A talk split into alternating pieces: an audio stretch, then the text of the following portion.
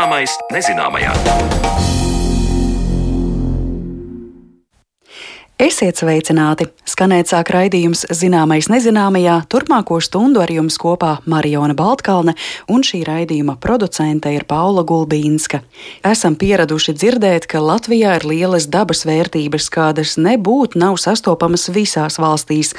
Bet šīs vērtības nepieciešams apzināt daudz precīzāk, un tas arī nesen noticis. Ir noslēgusies dabas skaitīšana, kas sniedz pilnīgākos datus par Latvijas dabu valsts vēsturē. Kā izpaužas dabas skaitīšana un kādus datus tā uzrāda par Latvijas biotopiem, to skaidrosim raidījuma otrajā daļā. Bet raidījuma iesākumā runāsim par vēl kādu dabas neatņemumu sastāvdaļu - mikroorganismiem.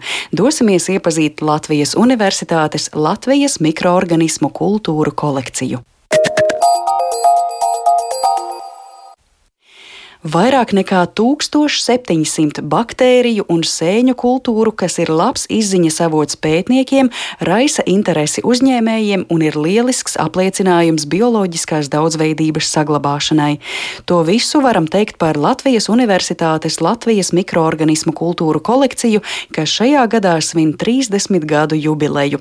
Uz sarunu tikos ar šīs kolekcijas vadītāju Latvijas Universitātes bioloģijas fakultātes asociēto profesori Vizmu Nikolājevu, lai plašāk uzzinātu, kā tapa ideja par kolekciju, kas tieši un kādos apstākļos kolekcijā glabājas. Jāsaka, ka ideja nebija mana.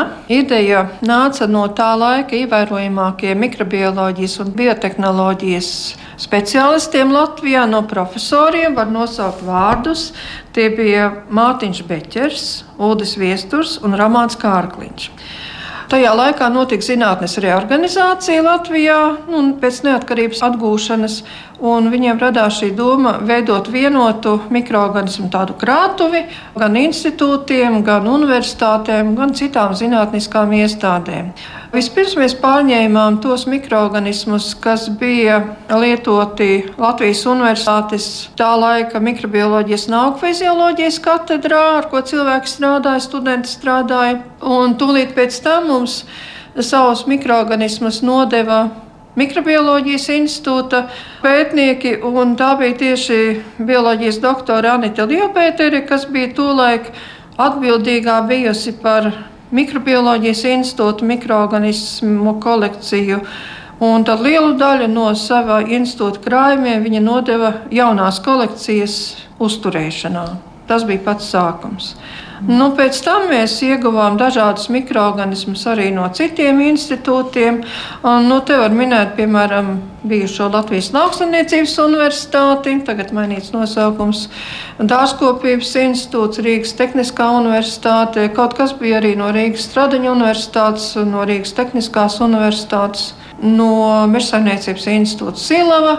Nu, tā laika gaitā mums ir uzkrājušies apmēram 1700 dažādu baktēriju, mikroskopisko sēņu kolekcija.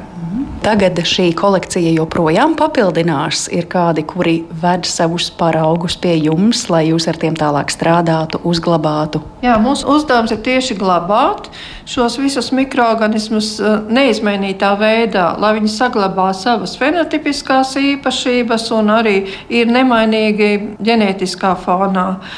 Ja mēs pieņemam glabāšanai mūsu kolēģu izdalītos mikroorganismus, tepat no bioloģijas fakultātes, no mikrobioloģijas un biotehnoloģijas institūta, arī no citām iestādēm. Kolēģi strādā ar visdažādākiem mikroorganismiem, un, ja ir uh, nopietni pētījumi par viņiem bijuši, viņi ir izdalīti, pieņemsim, tepat Latvijā vai varbūt arī citur, izpētīti, tad nu, ir vērts viņus glabāt turpmāk. Lai ar tiem varētu turpināt pētījumus, lai viņi nepazustu, kā kādreiz gadās cilvēkiem. Un, lai varētu arī salīdzināt ar citiem pētījumiem un turpināt darbu. Jā, tā kā nepārtraukti papildinās, papildinās arī ar mūsu pašu izdalītiem mikroorganismiem. Vēl ir arī tāds virziens kā vienkārši bioloģiskās daudzveidības glabāšana, jo mikroorganismi ir arī dabas sastāvdaļa un mikrobioloģisks resurss. Tā kā mēs glabājam turpmākiem pētījumiem, nākotnes pielietojumiem visdažādākos mikroorganismus. Vairāk izpētītas, mazāk ļoti dažādā stāvoklī. Būtiski piebilst, ka mikroorganismu kolekcijās mikroorganismi tiek glabāti kā bioloģiskās daudzveidības daļa saskaņā ar Rio de Janeiro parakstīto konvenciju par bioloģisko daudzveidību. Tā ka par bioloģisko daudzveidību varam spriest arī pēc tā, cik bagātīga ir ar aci neredzamā pasaule. Vizma Nikolājeva norāda, ka stingru kritēriju mikroorganismu atlasē kolekcijā nav. Tā var būt gan vērtīga šo organismu ģenētika, gan interesantas to ārējās pazīmes, gan skaidra sapratne, kur šo mikroorganismu varētu izmantot. Nu, protams, izpētīšanas līmenis tas ir noteikti kā kritērijs iekļaušanai uzreiz, ja daudz ar to ir strādāts. Nu, bet arī pilnīgi jaunas, nezināmas mikroorganismu grupas, varbūt pat jaunas sugas ir iespējams atklāt, pētot sīkāk mūsu kolekcijā esošos mikroorganismus. Bet tas prasa lielus tādus fundamentālus pētījumus. Tātad jūs minējāt 1700, tās ir mikroskopiskās sēnes un baktērijas. Varat nosaukt kādus interesantākos piemērus, varbūt kas jums pašai liekas tāds īpašs jūsu kolekcijā? Mikrobiologam grūts jautājums, jo viss liekas īpašs, vai ne? Jā, pārskatot, piemēram, šo sarakstu, kas mums ir krājumos. Liekas, katrs tiešām ir individuāls objekts. Un, nu, es varu teikt par pielietojumiem, ka mums ir piemēram pielietojami dažādas pienskābes baktērijas, ir etiķskābes baktērijas. Nu, arī tās, ko mēs uzskatām par probiotiskām baktērijām, ir sēnes, ko izmanto vai varētu izmantot potenciāli nākotnē augu aizsardzībā, bioloģiskajā auga aizsardzībā pret uh, citām sēnēm, augiem patogēnām sēnēm un arī pret uh, vairākiem kaitēkļiem. Un, nu, tad ir arī tāda grupa kā vides attīrīšanā izmantojami mikroorganismi. Uzreiz var teikt, ja man tagad liktu nosaukt konkrētu mikroorganismu, ko uzreiz es varu dot un lietot konkrētam mērķim, es drīzāk neuzņemtos šādu atbildību bez papildus pētījumiem. Jo tik ļoti izpētīti mikroorganismi nu, parasti nav. Ļoti izpētītus mikroorganismus viņu autori, viņu izgudrotāji parasti patentē. Un tas jau ir kā intelektuālais īpašums, un mēs tādus arī glabājam.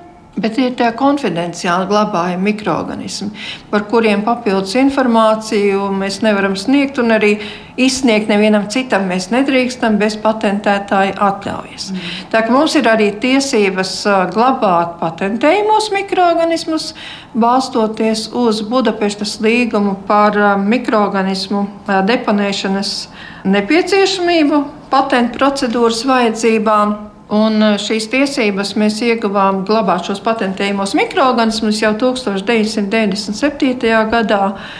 Un tātad šai sakarā pie mums nonāk mikroorganismi no daudzām pasaules valstīm. Principā mēs esam atvērti jebkuram mikroorganismu deponētājiem. Mm. Pārējos, jā, par daudziem citiem mēs varam runāt un izsniegt. Jā, tā ir viena no mūsu funkcijām - izsniegt uh, dažādus mikroorganismus no publiski pieejamo mikroorganismu daļas. Nu, tā ir lielākā daļa no mūsu rīcībā esošajiem mikroorganismiem. Sakiet par apstākļiem, kā viss šis lielais apjoms tiek uzglabāts 1700 īpatņu, kādas telpas tam ir vajadzīgas. Mikroorganismi ir ļoti mazi. Baktēriju šūna ir kaut kur aptuveni 0,2 mikrometru diametrā, nu tur pāris mikrometru garumā. Nu, labi, sēnes šūna ir desmit reizes lielāka aptuveni. Līdz ar to viņiem vietas vajadzīgas maz. Un mēs glabājam šos mikroorganismus mazās mēģinītēs, apmēram 2 ml tilpuma mēģinītēs no speciāli izturīga materiāla, kurš iztur zemu temperatūru. Un glabāšanas pamatmetode mums ir kriokonservācija šķidrajā slāpeklī. Tajā ir mīnus 196 grādu Celsija temperatūra visu laiku pastāvīgi. Un tātad šādā temperatūrā nenotiek metabolisms, nenotiek mutācijas, un šie organismi nemainīgi saglabājas dzīvot spējīgā stāvoklī visu laiku. Mums ir nepieciešams rūpēties par viņiem, lai viņiem nepietrūktu slāpekļa, jo e, šie mikroorganismi nedrīkst tikt pakļauti otrreizējai sasaldēšanai. Ja mēs izņemam no slāpekļa, tad mēs atdzīvinām, uzsējam uz varotnēm, savairojam. Un otrais to pašu mēs vairs nevaram ielikt atpakaļ slāpeklī. Tad mēs gatavojam jaunu sējumu, ja mums tas ir vajadzīgs gatavojam jaunu porciju, ko ielikt tur gulēšanai, tajās mīnusgrādos temperatūras. Tā ir labākā metode pasaulē, ko pielieto visās lielās kolekcijās, un nekas labāks nav arī izdomāts.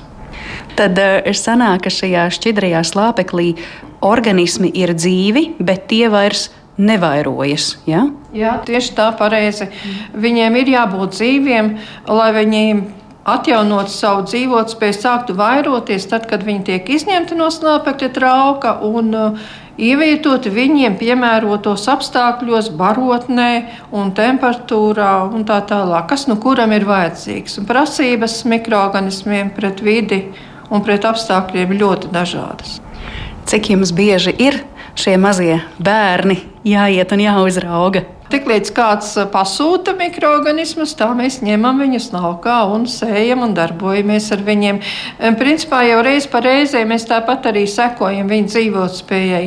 Kaut arī šī metode ļauj glabāt mikroorganismus gadu desmitiem, teorētiski varbūt arī simtiem, kas gan pasaulē vēl nav pārbaudīts. Tomēr reiz pa reizē mēs uzraugām, vai dzīvotspēja ir saglabājusies pietiekami lielā līmenī. Tas, kas viņiem jāizcieš, ir ielikšana šajā šķidrajā snāpeklī un izņemšana laukā. Tas ir stress, temperatūras pārēja. Mm, tas ir ko izturēt šiem organismiem. Bet, nu jā, tā metode ir piemērota gandrīz visu mikroorganismu uzturēšanai, ar retiem izņēmumiem. Latvijas Universitātes tīmekļa vietnē ir skatāma ļoti skaista fotografija ar dažiem varoņiem no šīs jūsu kolekcijas, piemēram, sēne Brants, kas ir īsts biets māju būvniekiem un rada milzīgus bojājumus, bet es saprotu, ka šādu skaistumu, zaļas, rozā, baltas pumpiņas un spalviņas un ko tik vēl ne, ne katru dienu izdodas ieraudzīt, vai ne? Jā, šie attēli, ko jūs uh, redzējāt, ir ņemti no konkrētiem eksperimentiem. Branda sēna arī ne katru dienu tiek sēta uz barotnes. Jā, tie ir īpaši gadieni, kad mēs labākos tādus vizuāli skaistākos mirkļus cenšamies nofiksēt. Ar mikroorganismu kolekciju lekcijās iepazīstas studējošie, kuriem darbam tiek piedāvāti nepatogēni organismi. Kolekcija lieti nodara zinātnisko darbu un diplomu darbu izstrādē, notiek arī sadarbība ar vairākām universitātes dzīvības zinātņu fakultātēm. Tāpat kolekcijas uzturētājiem ir iecerē piedalīties Latvijas Zinātnieku kongresā jūnija beigās, sniedzot informāciju par kolekcijas pielietošanas vajadzībām. Es vēl gribētu pieminēt, ka mēs uh, sastrādājamies arī ar daudzām privātu firmām. Ir arī firmas, kas pie mums glabā savus mikroorganismus, kuri pēc tam viņiem ir nepieciešama ražošanā, un tad viņi glabā pie mums un reiz pa reizē pasūta, lai mēs sagatavojam, aktivizējam šos mikroorganismus un izsniedzam viņiem. Tie praksē nozīmīgie mikroorganismi saistīti teiksim, ar pārtiks pārstrādi vai ar uh, izmantošanu kādu mikrobioloģisku preparātu ražošanai lauksaimniecībā. Cik cilvēki jūs esat komandā? Mēs esam ļoti mazi, nu, teiksim tā, trīs cilvēki. Ar nepilnu slodzi. Bet uh, es gribu piebilst, ka mani kolēģi ir ar ļoti lielu pieredzi mikrobioloģijā, un nosaukšu arī vārdus Daina Eze un Zaiga Petriņa. Un arī starptautiskā sadarbība mums ir uh, diezgan labā līmenī, eh, pateicoties galvenokārt tieši Dainas ezas ieguldījumam. Tā kā pieminējāt vēl starptautisko sadarbību, vai kaut kas līdzīgs tam, kā jūs esat izveidojuši Latvijā, ir arī pie mūsu kaimiņiem vai citur Eiropā, vai jūs salīdzināt, kā tas ir, vai mācāties kaut ko no citiem? Nu, ir tāda Eiropas kultūra kolekcija organizācija, ar kuru mēs esam pamatīgi iepazinušies. Un mums kaimiņu valstīs Nav sevišķi daudz šādu kolekciju. Igaunijā ir, Lietuvā praktiski nav, izņemot kaut kādas komerces kolekcijas. Un mūsu kolekcijas darbiniece Dainēze nu jau pirms aptuveni desmit gadiem bija arī šīs Eiropas kultūra kolekcija organizācijas prezidente. Viņa ievēlēja vienā sasaukumā, un viņa tur tiešām darbojās un pārstāvēja Latviju. Pašlaik mūsu kolekcija pārstāv Latviju Eiropas mikroorganismu resursu pētniecības infrastruktūrā. Un tieši pagājušajā gadā tika nodibināts šīs pētniecības infrastruktūras konsorcijas, kas arī mums ļauj paplašināt un padziļināt sadarbību ar pārējām Eiropas kultūra kolekcijām. Nu, tādas ir gandrīz katrā valstī. Nu, tā vidēji varbūt katrā viena, bet ir mazas valstis, Nīderlande, kur ir vairākas kolekcijas vai Itālija, kur ir vairākas, bet lielākoties tās ir centralizētas kolekcijas pa vienai vienā valstī. Vēlu daudz laimes jūsu jubilejas gadā, lai jums izdodas par savu kolekciju plaši pastāstīt studējošajiem un ne tikai studējošajiem. Paldies! Paldies. Paldies. Tādu ieskatu par gaviļnieku Latvijas Universitātes Latvijas mikroorganismu kultūru kolekciju guvām sarunā ar kolekcijas vadītāju Latvijas Universitātes bioloģijas fakultātes asociēto profesori Vizmu Nikolājevu. Jēdziens bioloģiskā daudzveidība būs mūsu ceļa pavadonis arī raidījuma turpinājumā. No mikroorganismu pasaules pārcelsimies uz mūsu acīm labi saskatāmo apkārtni un noskaidrosim, kādus rezultātus uzrāda nesen pabeigts pabeigtā dabas skaitīšana Latvijā.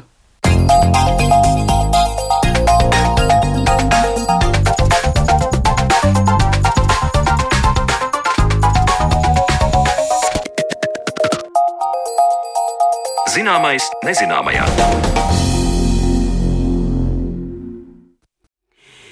Dabas skaitīšanā Latvijā pētītas pļavas, purvi, meži, upes un ezeri, piejūras un iekšzemes kāpas, alas un iežu atsegumi - kopumā 1,3 miljonu hektāru platībā. Tas ļāvis iegūt detalizētu informāciju par šī brīža Latvijas dabas dzīvotnēm, vienlaikus palīdzot samanīt faktorus, par kuriem būtu jāsatraucas. Cik bagātīga ir Latvijas dabas daudzveidība, kādus kritiskos punktus uzrāda dabas skaitīšana un kā mums vajadzētu rīkoties, to vaicāšu saviem sarunu biedriem turpmākajās minūtēs. Un studijā pie mums ciemos dabas aizsardzības pārvaldes ģenerāldirektora pienākumu izpildītājs Andris Širovs. Labdien! Labdien! Kā arī attālināti mums ir pievienojušās dabas aizsardzības pārvaldes projekta Latvija Nature zālāju eksperte Kristīne Daudziņa. Labdien! Labdien! Un arī šī paša projekta mežu eksperte Sandra Ikauniece. Labdien! Labdien! Vārdu salikums dabas skaitīšana ne pirmo reizi izskan mūsu raidījumā. Esam stāstījuši arī par konkrētu augu sugu skaitīšanu. Tomēr šajā gadījumā, kā jau es pieteicu, runa ir par dabas skaitīšanu 1,3 miljonu hektāru platībā. Ko nozīmē skaitīt dabu šādā plašā teritorijā? Andri, tad jums jau atbilda rokā. Ja? Jā, tātad tiešām šī dabas skaitīšana bija svērnīgākais dabas saskaitīšanas pēc, kāds līdz šim bijis Latvijā.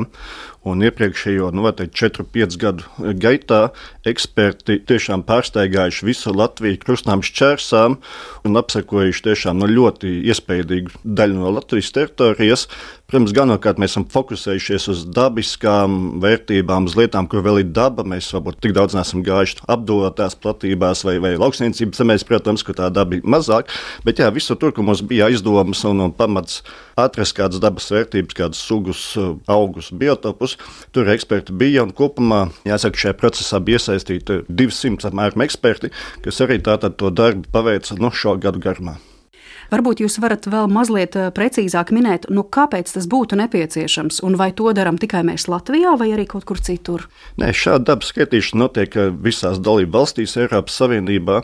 Arī tāpēc, ka mums ir ik pa teiksim, 5-6 gadiem jāatskaitās Eiropas Savienībai, katrai dalības valstī, cik mēs gādīgi rūpējam par savām sugām, biotopiem, vai tās dabas vērtības eh, palielinās, samazinās, vai teiksim, tāda neitrāla tendence. Bet, protams, mums kā rūpīgam, gādīgam saimniekam jāzina tā mūsu saimniecība saimniecība, ja mēs esam salīdzināti tiešām vai šķūnīt vai garāžu, kurā mēs ieejam iekšā, tad visu, visu, kas tur saskaitām un arī novērtējam, ne tikai cik daudz, kas mums ir, bet arī kādā kvalitātē mums ir.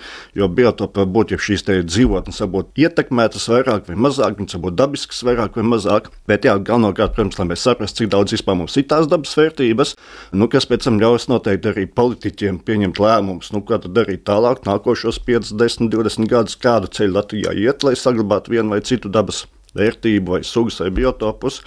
Un droši vien nemazāk eh, svarīgi arī ir atzīmēt tas, ka šī dabas skaitīšana ir nu, nozīmīga arī mūsu pašiem tādā ikdienas darbā, pieņemot lēmumus nu, lemjot par kaut kādiem attīstības projektiem, vēl kaut ko mēs zinām. Nu, ja tiešām ir kaut kādas ļoti unikālas retas vērtības, protams, mēs tam pievērsīsim uzmanību, jo tagad tiešām mēs zinām, ir kaut kādas lietas, kas ir ļoti, ļoti maz. Ļoti ietekmētas vai apdraudētas, un tā, protams, tā mēs pievēršam lielāku uzmanību. Bet es vēl gribēju par šo praktisko pusi pajautāt, un eh, iespējams arī jūsu kolēģis Kristīne un Sandra to var komentēt. Kā tas notiek praktiski, kā mēs saprotam, cik un kas mums ir vērtīgs, jo biotopi ir dažādi. Jūs minējāt 200 cilvēkus, tad tiešām šie 200 cilvēki iet uz saviem biotopiem, kaut ko fiksē, kaut ko uzskaita, diennaktīm tur pavada laiku, lai novērotu, kas un kā.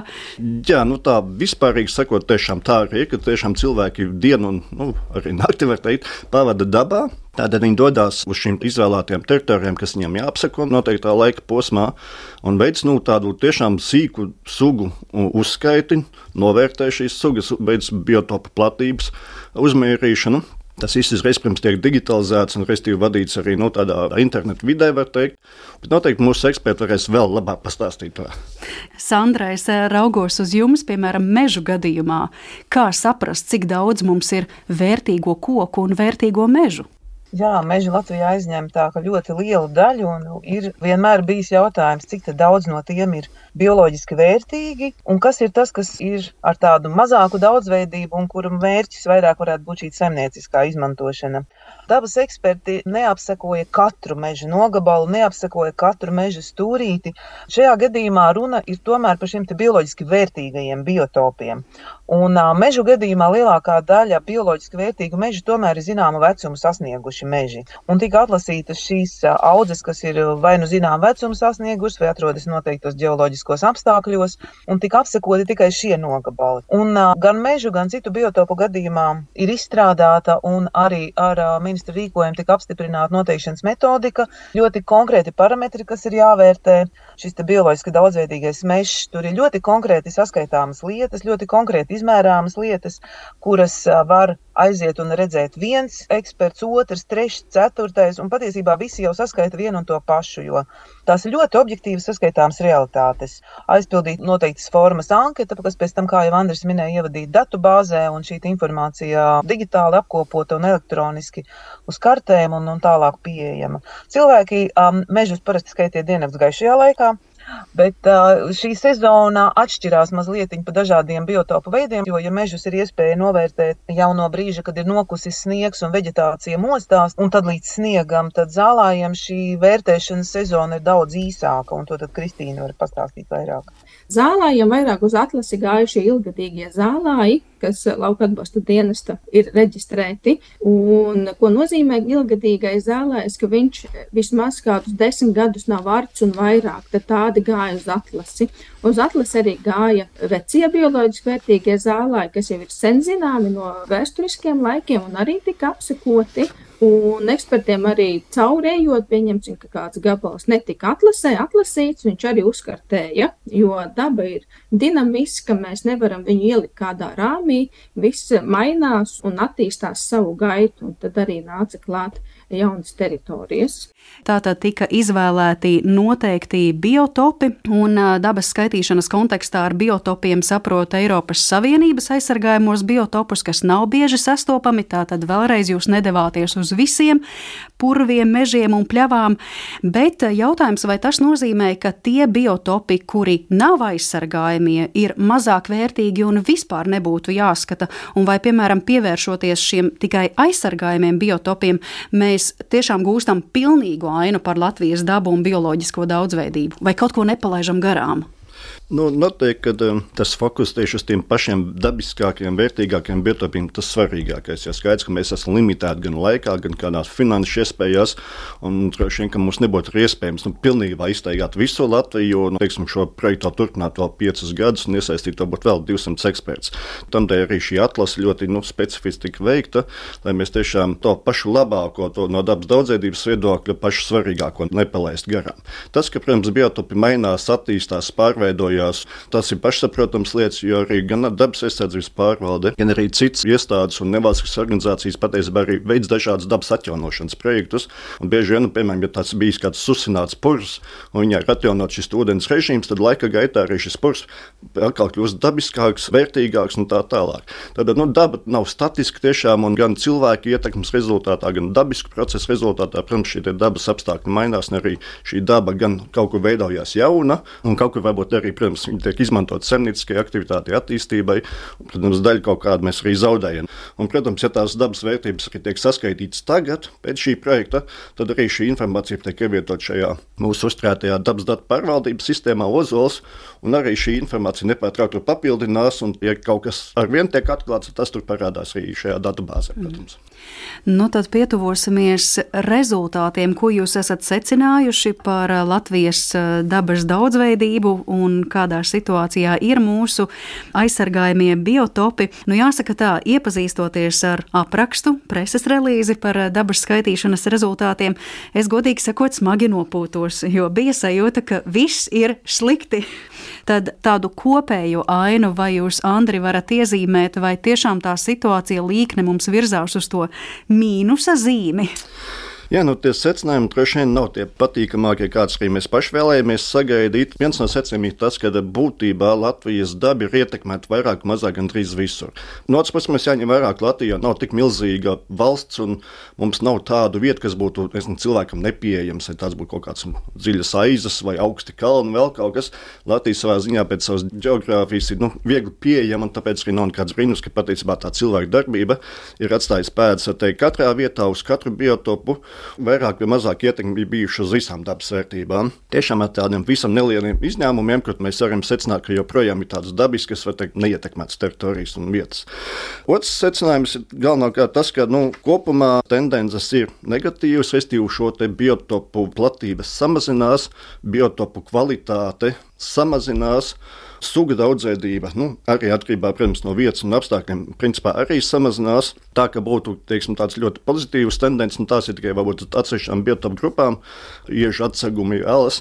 Nu, viņas ir nosacīti tādā neitrālā stāvoklī, tur nav nekas nemainījies ne uz augšu, ne uz leju. Jā, tas laikam bija vienīgais, kur es lasot šo relīzi, varēju samanīt, nu, te nav tik daudz to negatīvo pazīmju.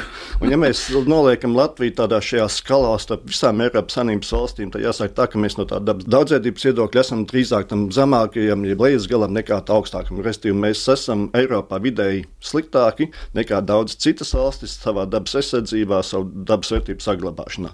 Jā, nu bieži saka, ka nelaimes rodas no salīdzināšanas, bet acīm redzot šajā situācijā tas ir jādara, lai mēs saprastu, kādas mums darbības veikt tālāk, bet tiešām Latvija salīdzinājumā, nu, piemēram, ar Vāciju vai kādu citu rietumu Eiropas valsti, kur cilvēki bieži vien saka, bet tur taču vispār nekā tur nav, tur ne meži, nekas, bet Latvijā mums purvi, paskatieties, pļavas. Tiešām? Jā, nu, Protams, neviens ir tas ļoti subjektīvi arī tā salīdzināšana, lai gan tā metodoloģija, kādā veidā Eiropas Savienības valsts saskaita dabu, līdzīgi kā mēs to darījām šeit Latvijā, viņi pēc līdzīgas metodas un novērtējuma arī veids citās valstīs. Zem mums, jāsaka, tā ir tikai tādas, nu, tiešām blīvi apdzīvotās centrāla Eiropas valsts, kas tiešām būtu šī Dānija, būtu Vācija, Beļģija, Nīderlande, nu, tās ir, protams, vēl stipri ietekmētākas tālāk, bet, ja mēs pastamies, teiksim, Balkānu valstis vai Spānija, Portugāla, vai citas valsts, tās nu, tomēr ir kaut kā pamanījušās maz uzrādīt šajā salīdzinājumā labākus rezultātus. Tie dati tiek izmantoti salīdzināšanai, bet tad droši vien būtu tāds rūpīgs darbs jāiegulda, lai mēs tā ļoti precīzi un tiešām pilnīgi objektīvi veiktu šo salīdzināšanu starp visām dalību valstīm.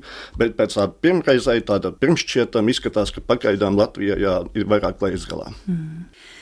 Es atkal raugos mūsu ekspertu virzienā. Sandra, es vispirms eh, vēršos pie jums. Tātad, eh, ja runājam par mežiem, jā, Latviju nereti dēvē par mežiem bagātu valstī, bet atkal meža zemes Latvijā aizņem 49% no valsts teritorijas, bet eh, dabas skaitīšanas laikā konstatēts, ka šobrīd bioloģiski vērtīgi ir tikai 10% no visiem mežiem. Nu, kas ir tie galvenie riska faktori mežu gadījumā, kam mums jāpievērš pievērš uzmanību un kāpēc ir tikai 10%?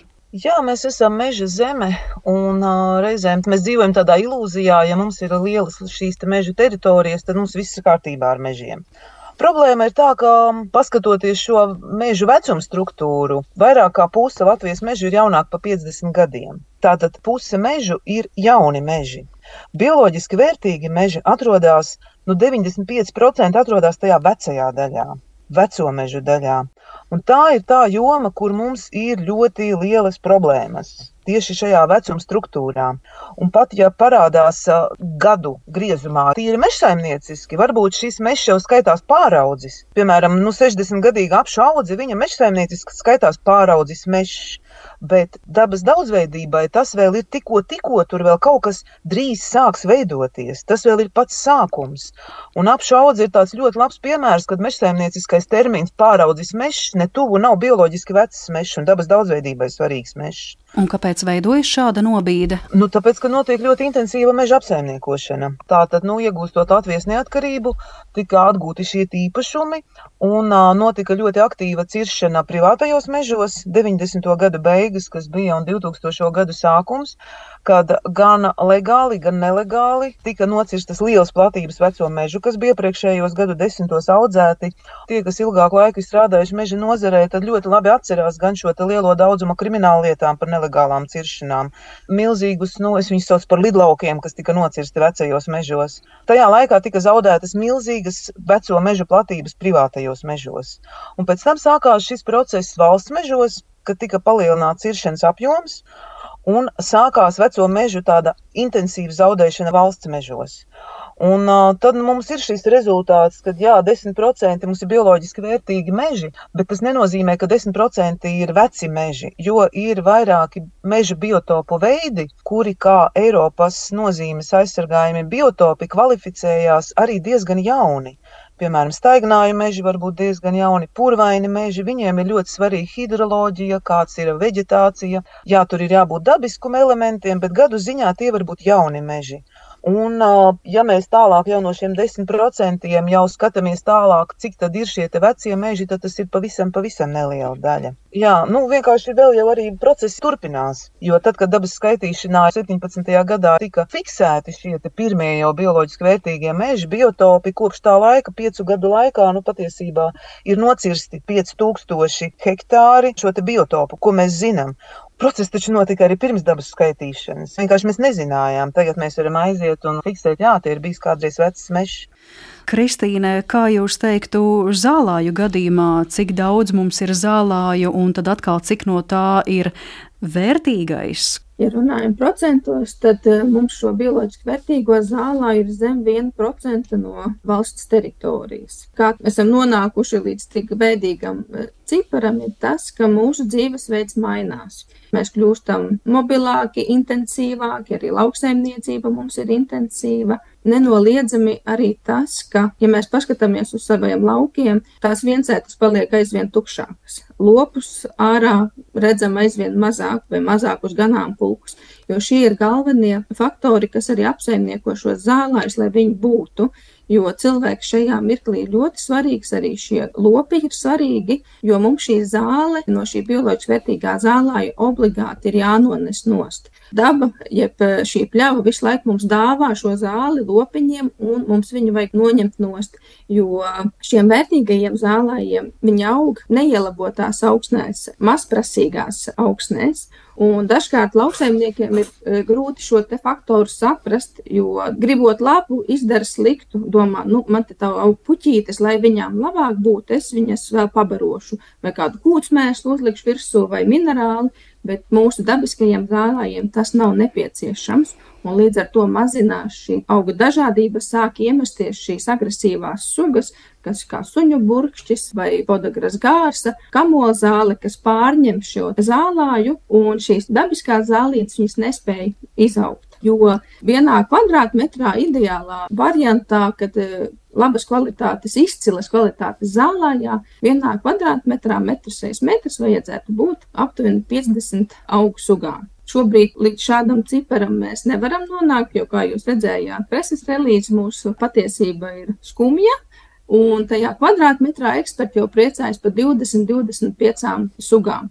Dabiskie zālāji pareizi, ar to mēs saprotam gan sausās pļavas, gan mitrās pļavas, un visur tā aina ir bēdīga. Jā, lielos vilcienos tiešām visos zālājos ir bēdīga. Jā. Varbūt tāda labāka kvalitāte vidēja parādās sugām bagātas ganības un ganītas pļavas mērini mitri zālāji, bet tas procents tāpat zemes kvalitātes ir diezgan augsts.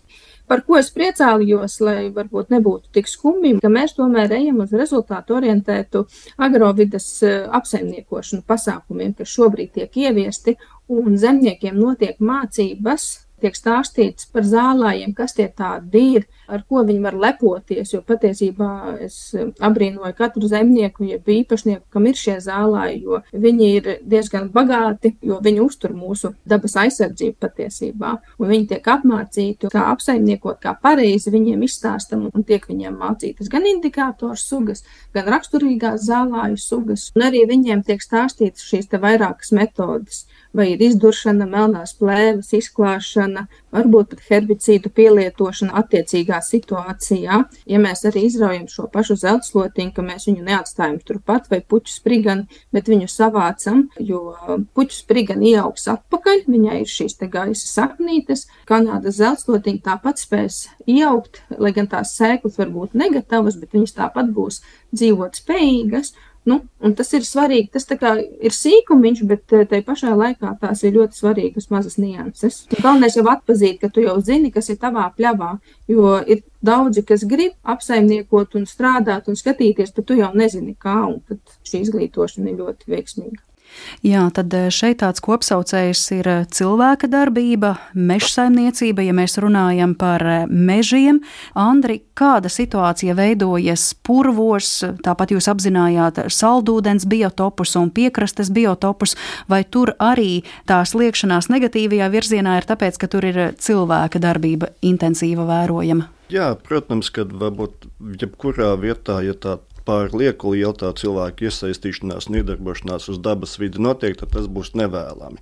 Lai gan, kā jau mēs arī tā nu kopumā sapratām, ka, protams, tā ir neizbēgama līdzās pastāvēšana starp cilvēku un šiem dabiskiem procesiem. Lielākās mūsu dabas vērtības tieši ir veidojušās dēļ šīs lauksniecības, jeb tradicionālās lauksniecības, caur šo varbūt saudzīgu mežsaimniecisko darbību, un ļoti līdzīgi arī par piekrastu, piemēram, arī šīs vērtīgās klajās iekšzemes kāpes vai pelēkās kāpes vai citu kāpu biotopi, arī tie veidējušies tāpēc, ka tur ir bijuši vai nu tīklu žāvēšana vai kaut kādi lopiņi ganījušies, vēl kaut kas, kas nav ļāvuši šīm kāpām aizaugt, un tad sugas arī šeit attīstīties un būt un priecēt un piešķirt, teiksim, šo te bioloģisko vērtību arī šiem piekrastes biotopiem. Bet, protams, tad, ja tā ir pilsētas teritorija vai piepilsētas teritorija, ja tur ir blīva apdzīvota vide, ciemati, pilsētas, ja tur izbraukšana notiek, apbūve, nu, tad tas ir visi tie, kas arī mūsu piekrastes biotops ļoti stipri ietekmē. Un jāsaka tā, ka tiešām tie piekrastes biotopi droši vien arī viena no visjutīgākajiem biotopiem, jo tā kaut neliela ietekme uz viņiem iedarbošanās tāda nepārdomāta var neatgriezniski izmainīt šo vidi.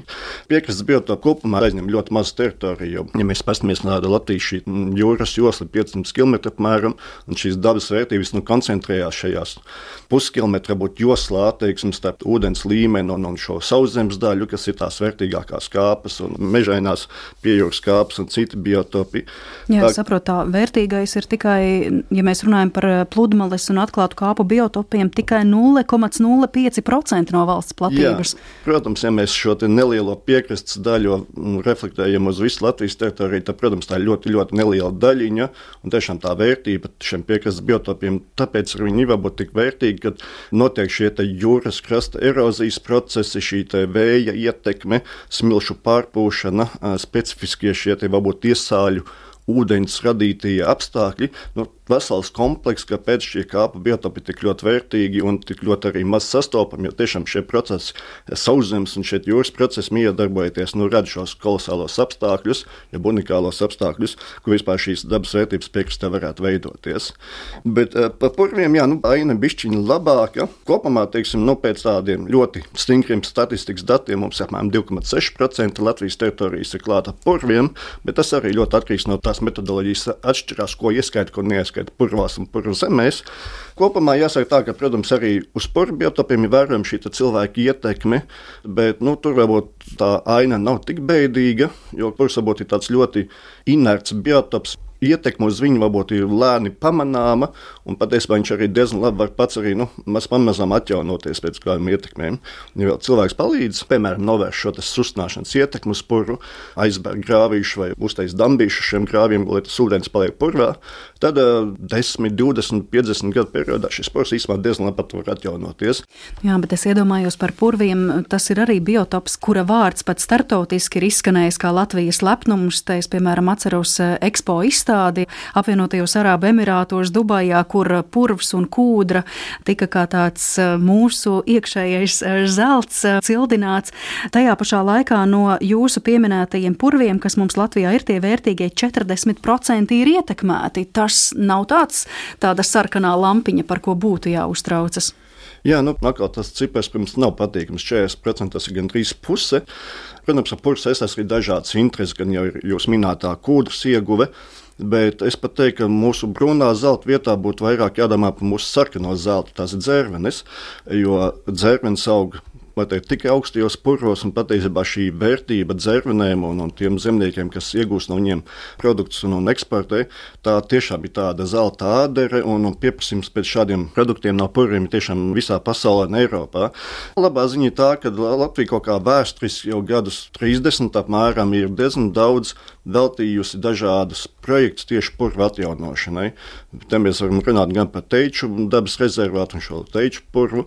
Ķemēna Nacionālajā parkā ir vairākas vietas, kur atjaunot purvi. Tāpat tās Latvijas universitāte jau ilgstoši īsteno dažādas projekts purvu atjaunošanai. Tieši tāpēc, ka purvim ļoti liela loma klimata regulācijā, viņi kā mitras zemes viņi saista CO2, tad, tad uzlabo šo gaisa kvalitāti un, un saista šīs siltumnīca efektu izraisošās gāzes, kā arī, protams, purvi piedalās ūdens režīmu uzturēšanā apkārtējās teritorijās. Tāpēc arī jā, Latvija tā ilgtermiņā ir tiešām ir diezgan daudz strādājusi, jāsaka, uz purvu atjaunošanu.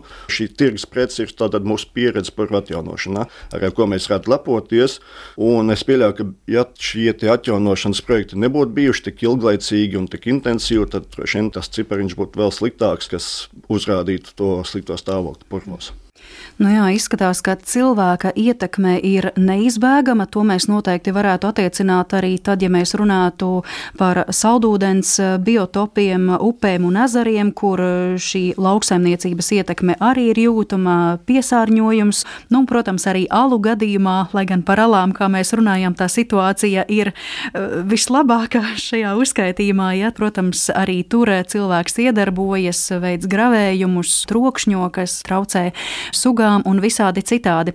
Līdz ar to man jautājums, kā mēs šo biotopu aizsardzību varam vispār samērot ar cilvēka ietekmi, jo nu, cilvēks jau nekur nepazudīs.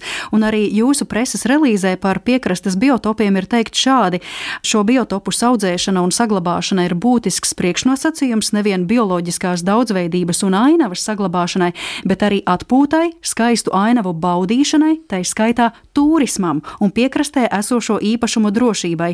Tātad no vienas puses mēs vēlamies mazināt šo antropogēno slodzi, bet no otras puses mēs nu, vēlamies, lai būtu turisti, ne, kuri baudītu ainavas, un antropogēnā slodze būs jebkurā gadījumā. Kā tas svaru kauss ir saliekams kopā? Tieši tā, protams, tas ir tikai normāli, ka cilvēki izmanto šos dabas sniegtos labumus. Mēs viņus saucam par tā saucamiem ekosistēmu pakalpojumiem. Ekosistēma pakalpojumi patiesībā ir pamatā par cilvēku eksistencei, lai viņš varētu dzīvot. Jo nav tikai runa par šo gāzu apmaiņu, piemēram, klimata regulāciju, ūdens apmaiņu. Tas ir runa par apateksnēšanu. Restīvi, nu, ja nenotiek apateksnēšana, tad mēs nevaram patiesībā iegūt lauksniecības kultūras un daudz kas cits. Līdz ar to šī te, nu, nosacīta jau pasanā pieeja, tad piešķirt dabai tādu no naudas izteiksmi, bet arī domāt par dabu kā par resursu, kas ir pamats, lai mēs varētu eksistēt ne tikai tagad, bet pēc gadiem 10, 20 un 50. Tas nozīmē, ka mums jādomā, kā ilgtermiņā, ilglaicīgi, prātīgi, racionāli, tā varētu teikt, apsaimniekot šo dabas resursu ka mēs nevaram tikai ņemt no dabas šos labumus, vai tā būtu koks, vai tā būtu lauksainicības produkti, vai ogas, vai dažādi augi, vēl kaut kas. Mūsu pienākums ir arī nu, dot atpakaļ tai dabai. Un tā došana atpakaļ var būt gan caur šo apsaimniekošanu, tas ir arī caur dabas atjaunošanu, jo tas arī tāds nu, diezgan spēcīgs signāls Eiropā kopumā, ka mēs ejam to, ka līdz 2050. gadam lielākā daļa visas teiksim, tā, ietekmētās, iznīcinātās vai degradētās ekosistēmas tiek atjaunotas Eiropā. Tieši ar šo nolūku, lai patiesībā mēs varētu turpināt arī pēc gadu desmitiem un simtiem izmantot šos dabas sniegtos pakalpojumus un tādējādi nodrošināt savu eksistenci. Bet, ja mēs par konkrētākiem soļiem runājam, te Kristīna jau ļoti interesanti stāstīja par šo izglītojošo darbu, lai mēs saglabātu zālājus gadījus. Ir vēl kādi citi soļi, kas šobrīd jau praktiski tiek veikti, lai, nu, piemēram, necirstu tos mežus. Sandra, kā ir jūsu gadījumā par jūsu lauciņu? Jūs teicāt, tas viss jau turpinās, bet ko mēs darām, varbūt, nu, lai tas neturpinātos? Šos ieteikumus, šos riska faktorus, ko jūs esat apzinājuši, ņem vērā. Nu jā, viss turpinās, un varbūt vēl vienu lietu es gribētu mazliet vēl tā piebilst klāt pie visa, kāpēc savā ziņā mēs esam tur, kur mēs esam. Primāri mežiem ir svarīgas šīs aizsargājumās dabas teritorijas, jo skaidrs, ka mežā saimniekoja, saimnieko un saimniekos, un koksnes ieguve ir ļoti būtisks ekonomikas aspekts, un tas droši vien nemainīsies un nemazināsies, un spiediens arī pēc šiem atjaunojumiem resursiem, pēc koksnes resursiem viņš bija, ir un būs. Un tā kā mežu biotopu gadījumā Ir svarīga neiejaukšanās, atšķirībā no zālājiem, kur vajag kaut ko aktīvi darīt. Mežos 98% gadījumu nevajag neko darīt. Ja nu gadījumā vienīgi atjaunot hidroloģisko režīmu, purvainos mežos, un atsevišķās vietās kaut ko citu darīt. Bet lielākoties tā ir neiejaukšanās. Un neiejaukšanos loģiski visvieglāk realizēt ir aizsargājumā dabas teritorijā. Pirmajā acu uzmetienā liekas, ka ar to mums taču tā, nu, plus mīnus tā kā vajadzētu būt kārtībā Latvijā, jo Latvijā ir vairāk kā 11% aizsargājumās dabas teritorijas no valsts. Bet mums ir dažādas šīs aizsargājumās teritorijas, un viņā vēsturiski ir bijis ļoti dažāds apsaimniekošanas režīms.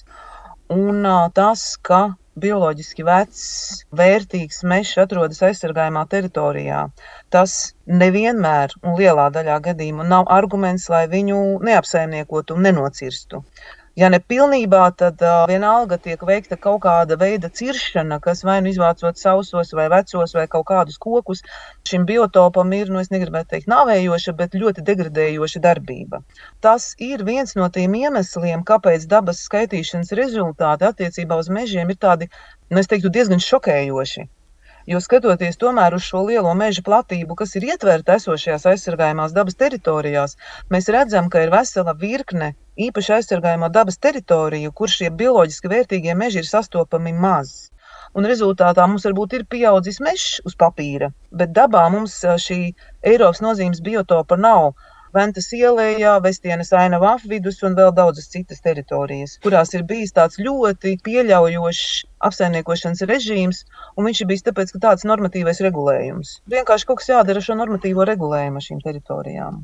Un līdz ar to, Sandra, jūs iedodat lielisku pavadījienu manam jautājumam šīs sarunas noslēgumā, jo tāda pēdējā aktualitāte burtiski pirms dažām dienām vidas aizsardzības un reģionālās attīstības ministrija ir sagatavojusi ministru kabineta noteikumu projektu, kas paredz noteikt Latvijā 76 jaunus dabas liegumus pasākumus, un tas ir nepieciešams, tālāk es citēju, lai daļēji novērstu Eiropas komisijas pret Latviju ierosināto pārkāpuma procedūru par biotopu direktīvas saistību neizpildi attiecībā uz dabisko dzīvotņu, savaļas faunas un floras aizsardzību.